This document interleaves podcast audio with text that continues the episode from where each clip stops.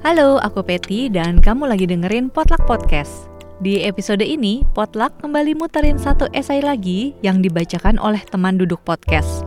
Judul esainya kali ini Anjang Sana, ditulis oleh Zawawi Imron. Beliau ini seorang penyair asal Madura.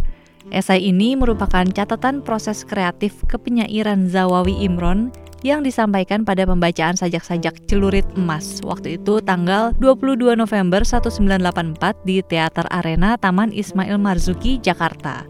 Selamat mendengarkan.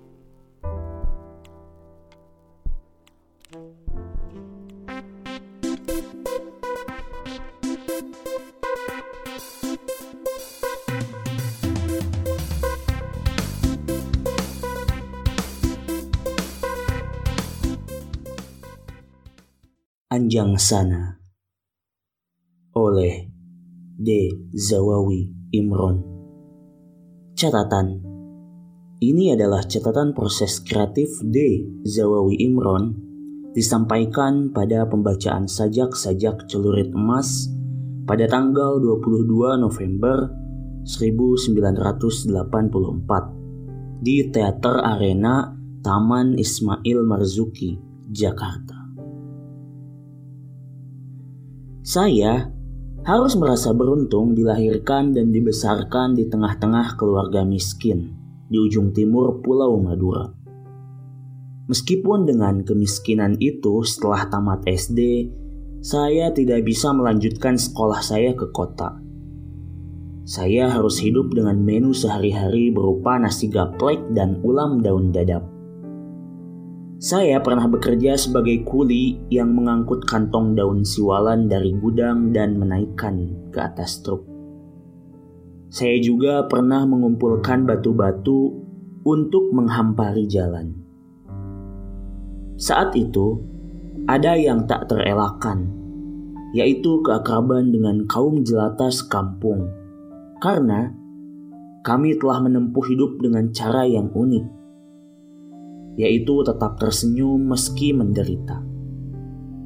Pengalaman masa remaja itu memang menyakitkan ketika dialami, tetapi terasa nikmat bila saya kenang sekarang.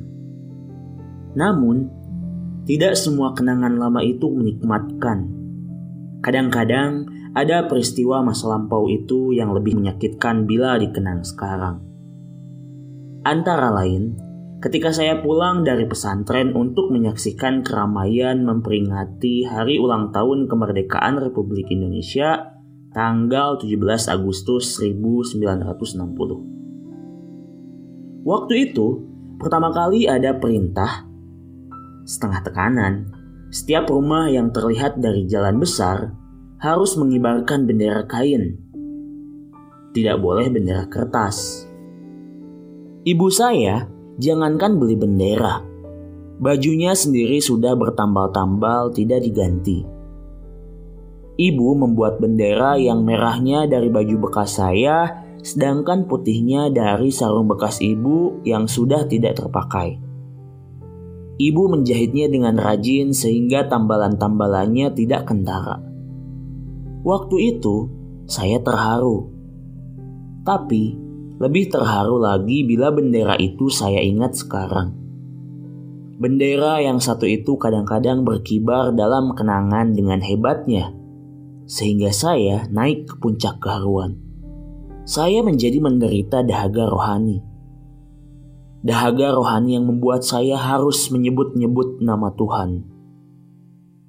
Saya sendiri kurang tahu persis mengapa saya harus menulis sajak. Tetapi setiap ada getaran-getaran dalam diri, saya merasa tak enak kala tidak menuliskannya. Misalnya ketika dalam perjalanan tidak membawa ballpoint dan kertas. Saya merasa sangat menyesal. Bahkan seperti dihantui rasa berdosa kepada diri sendiri. Akhirnya, menulis sajak bagi saya merupakan keasikan pribadi yang tersendiri. Dengan bersajak, saya merasa lebih akrab dengan diri sendiri, orang lain, alam, dan Tuhan. Sering saya memasuki dusun-dusun di daerah saya. Kadang saya dengar nyanyian gadis-gadis desa mencari kayu bakar di tengah belukar. Atau saya dengar siul para pemanjat pohon siwalan di senja hari. Atau percakapan orang-orang desa tentang nasib dan kepahitan hidupnya. Lalu saya ingin menyanyi seperti mereka ingin bersiul seperti mereka dan ingin berbicara seperti mereka. Tentu saja, dalam puisi. Keberanian orang-orang Madura berlayar ke pulau-pulau yang jauh dengan perahu-perahu kecil seperti yang pernah dipakai nenek moyangnya pada abad-abad yang lalu, tabahan mereka menghadapi kenyataan hidup sehari-hari. Dan ketekunan mereka memelihara sapi karapan dengan kasih sayang seperti yang mereka curahkan kepada anak-anaknya sendiri, membuat saya selalu bertanya kepada diri sendiri, mungkinkah saya salah satu harapan yang dibesarkan oleh senyum dan air mata mereka? Ada semacam perasaan bahagia yang tersendiri dalam kehidupan bersajak, di mana saya sering berhadapan dengan aneka rahasia dan teka-teki yang mengasihkan untuk disingkap. Ada kalanya saya berhasil membuka sebagian saja wajah teka-teki itu. Tapi ada kalanya pula saya kehilangan jejak karena rahasia dan teka-teki itu secara tiba-tiba menghilang dari jangkauan ingatan atau kenangan. Dalam begini, saya sering diganggu kegelisahan batin. Tapi, hal-hal yang tak terduga kadang-kadang datang yaitu datangnya getaran-getaran lain yang selama ini masih mengeram dalam rimba bawah sadar. Getaran-getaran ini mungkin teka-teki yang dulu pernah saya kejar dan geluti dengan otak dan perasaan. Dalam pergulatan hidup ini, saya lebih banyak menghayati meskipun saya berusaha banyak untuk mengerti. Latar belakang pendidikan saya dan pengetahuan saya tentang filsafat yang hanya sepotong-sepotong lebih sesuai dengan yang disebut pertama daripada yang kedua. Dengan penghayatan, saya bisa merasakan nasi jagung, sayur kelor, sambal terasi lebih nikmat daripada makan bubur ayam di hotel Indonesia ketika saya ditraktir Selamat Sukirnanto. Dengan penghayatan, Berjabat tangan dengan penyabit rumput bisa lebih bangga daripada berjabat tangan dengan Lady Diana atau Ronald Reagan. Dengan penghayatan ini, saya tak usah merokok ganja atau menyuntikan morfin ke bagian tubuh untuk merasakan puncak-puncak kenikmatan. Ada seorang teman yang meragukan bahwa sikap saya ini mungkin bukan hasil penghayatan, tapi hanya karena jiwa saya terlalu mabuk dan melekat pada lingkungan tempurung desa sehingga saya terperosok ke sebuah jurang yang sangat sempit. Seandainya dugaan teman saya itu benar, saya tidak akan menyesal karena saya telah memilih apa yang saya sukai tanpa tekanan serta dengan itikat baik tidak untuk merugikan orang lain. Dengan sikap ini, setidak-tidaknya saya bisa membebaskan diri dari ancaman bulldozer-bulldozer spiritual. Setelah saya pikir, kaya dan miskin itu sama ada resikonya. Kalau saya boleh menghibur diri karena terlanjur miskin, sama-sama menanggung resiko saya memilih kemiskinan. Kegetiran hidup bila dihadapi dengan sikap wajar dan arif akan menunjukkan padang-padang dan hutan-hutan imajinasi teramat luas sebagai tempat perburuan dan petualangan dengan panorama-panorama yang maha indah dan juga maha mengerikan. Setidak-tidaknya, dengan kemiskinan itu kesempatan saya untuk berkontemplasi mengawinkan kata-kata dengan imaji jauh lebih luas. Dan kepenyairan bagi saya bukan sesuatu yang istimewa. Seorang penyair bagi saya sama saja dengan penyabit rumput. Kalau saya ditanya untuk apa saya bersajak, jawab saya cukup meniru jawaban penyabit rumput kalau ditanya. Buat apa ia menyabit? Ia tidak akan menjawab saya menyabit rumput untuk memakmurkan negara melalui sektor peternakan. Jawaban begitu terasa canggih dan bau slogan. Seorang penyabit rumput di desa saya akan menjawab bahwa ia menyabit agar sapinya gemuk. Kalau dijual nanti laku mahal dan kalau dipacu larinya kencang.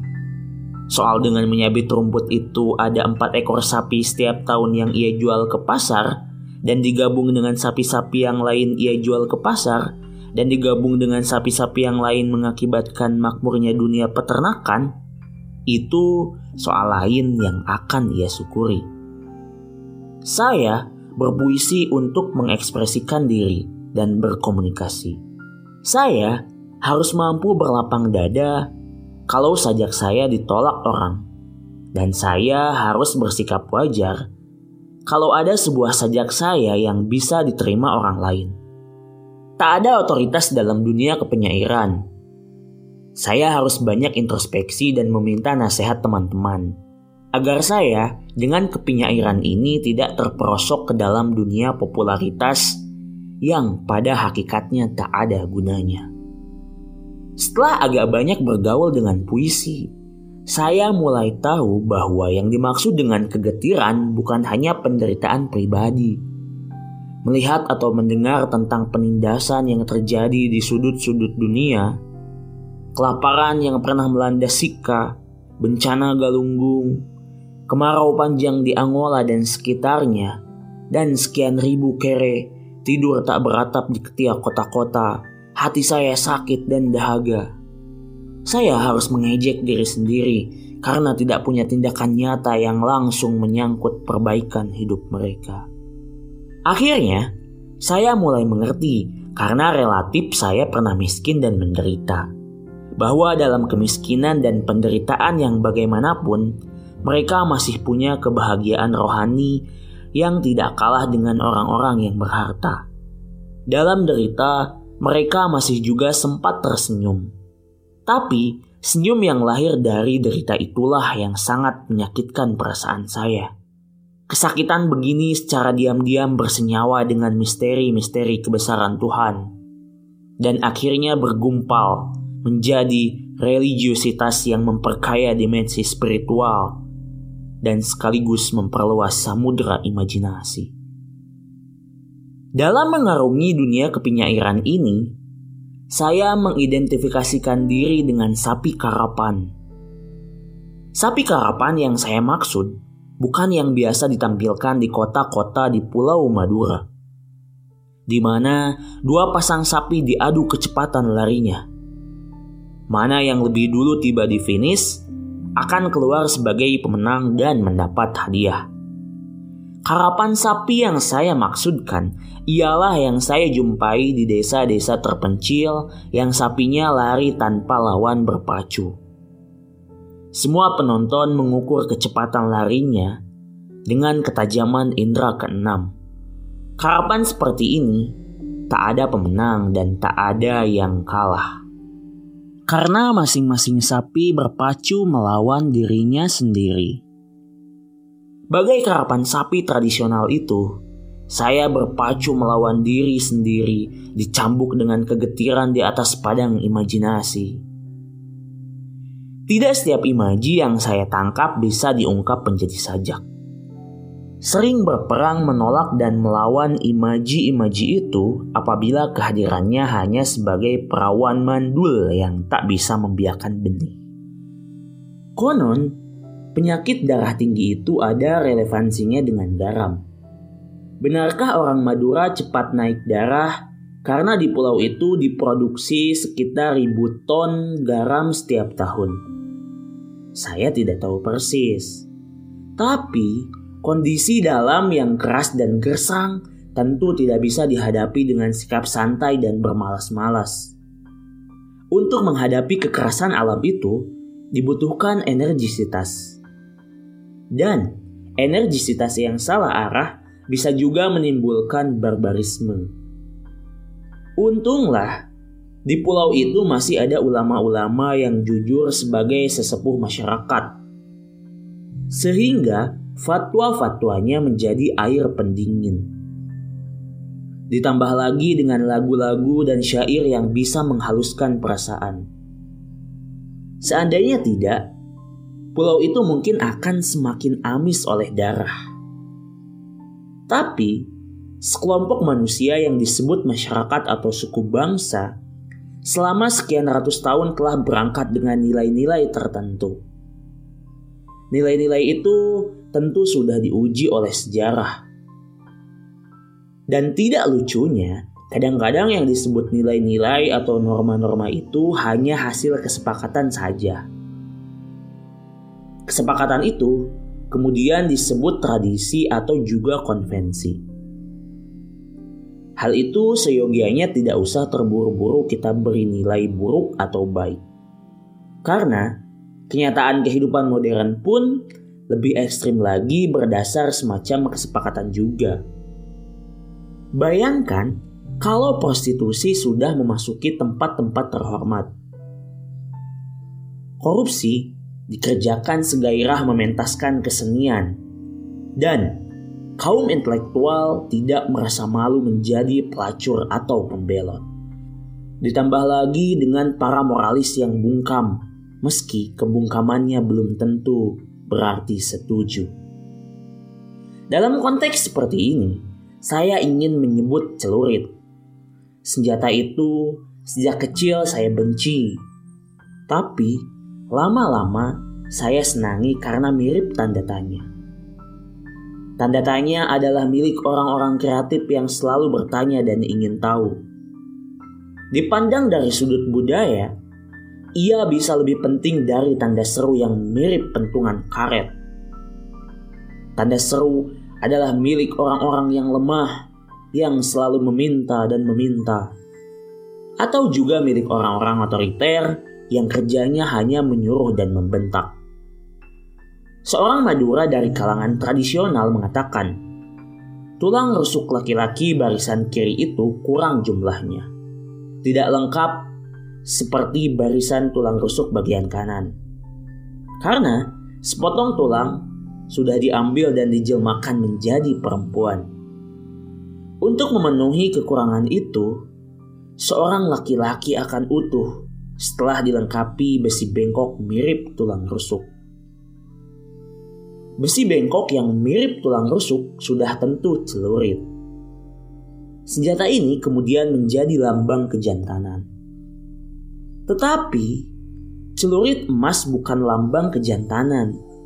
Celurit senjata tradisional Madura itu sudah saya hancurkan. Saya lebur dalam kawah religiusitas dan spiritual saya. Lalu saya campurkan dengan tangis orang-orang terhina. Saya luluhkan dengan darah dan jiwa para pahlawan dan berjuta-juta kasus kemanusiaan lainnya. Sehingga menjelmalah jadi celurit kebijaksanaan.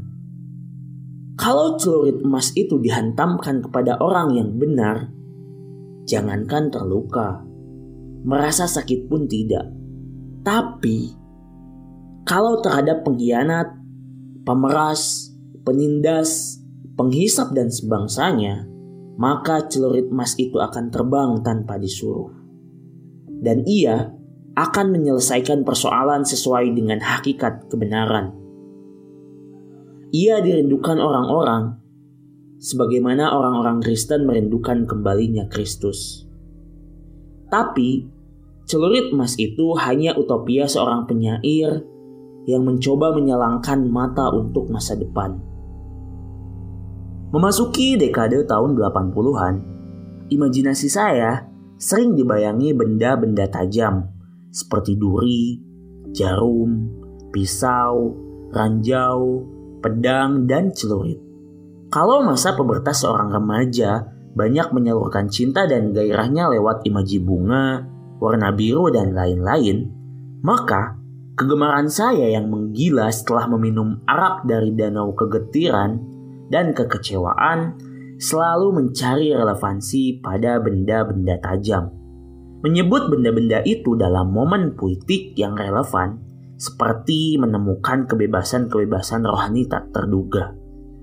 Menyebut benda-benda tajam itu dengan khusyuk seakan memandang telunjuk-telunjuk ajaib yang menunjukkan bayang-bayang kasih dan ridho Tuhan. Kadang-kadang, benda-benda tajam itu menusuk dan melukai agar roh saya yang mengidentifikasikan diri dengan sapi karapan itu semakin kencang larinya untuk mengejar diri sendiri yang berpecahan menjadi kata-kata dan akan lari ke dalam kefanaan. Itulah mengapa saya masih ingin menulis sajak. Kalau tidak untuk dipublikasikan, minimal untuk dibaca sendiri. Tapi, semakin banyak saya menghasilkan sajak, semakin sukar saya menulis sajak-sajak baru. Mungkin karena menulis sajak harus berperang melawan ketidakjujuran. Dan saya yakin sebuah sajak yang saya tulis tanpa kejujuran hati nurani tak akan pernah mampu mengarungi perjalanan waktu, sehingga tak akan punya nilai abadi.